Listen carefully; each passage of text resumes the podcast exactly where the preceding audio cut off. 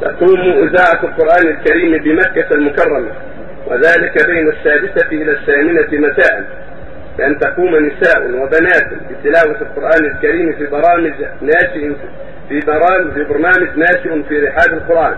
هل هذا الفعل جائز خصوصا أن الرسول عليه الصلاة والسلام أمر النساء بالا يرفعن أصواتهن بالتلبية؟ كيف نوفق بين هذا وذاك؟ آه يقوم تقوم إذاعة القرآن الكريم بمكة المكرمة وذلك بين الساعة السادسة مساء إلى الساعة الثامنة بأن تقوم وإنما هو كلام أهل العلم.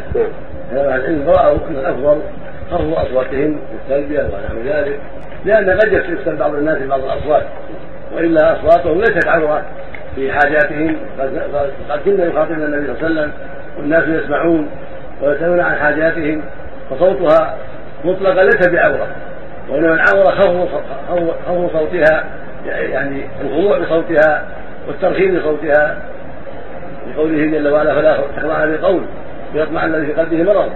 أما دين الصوت للمرأة فليس بعورة ولا تتكلم مع الرجال تسأل حاجاتها وتبيع وتشتري لا تبيع لكن كونها تخضع للقول بغنج وشيء يطبع فيها ضعفاء الايمان هذا هو المنكر. ولكن هذا برنامج ناشر القرآن ننظر فيه إن شاء الله. نعمل ما يسر إن شاء الله.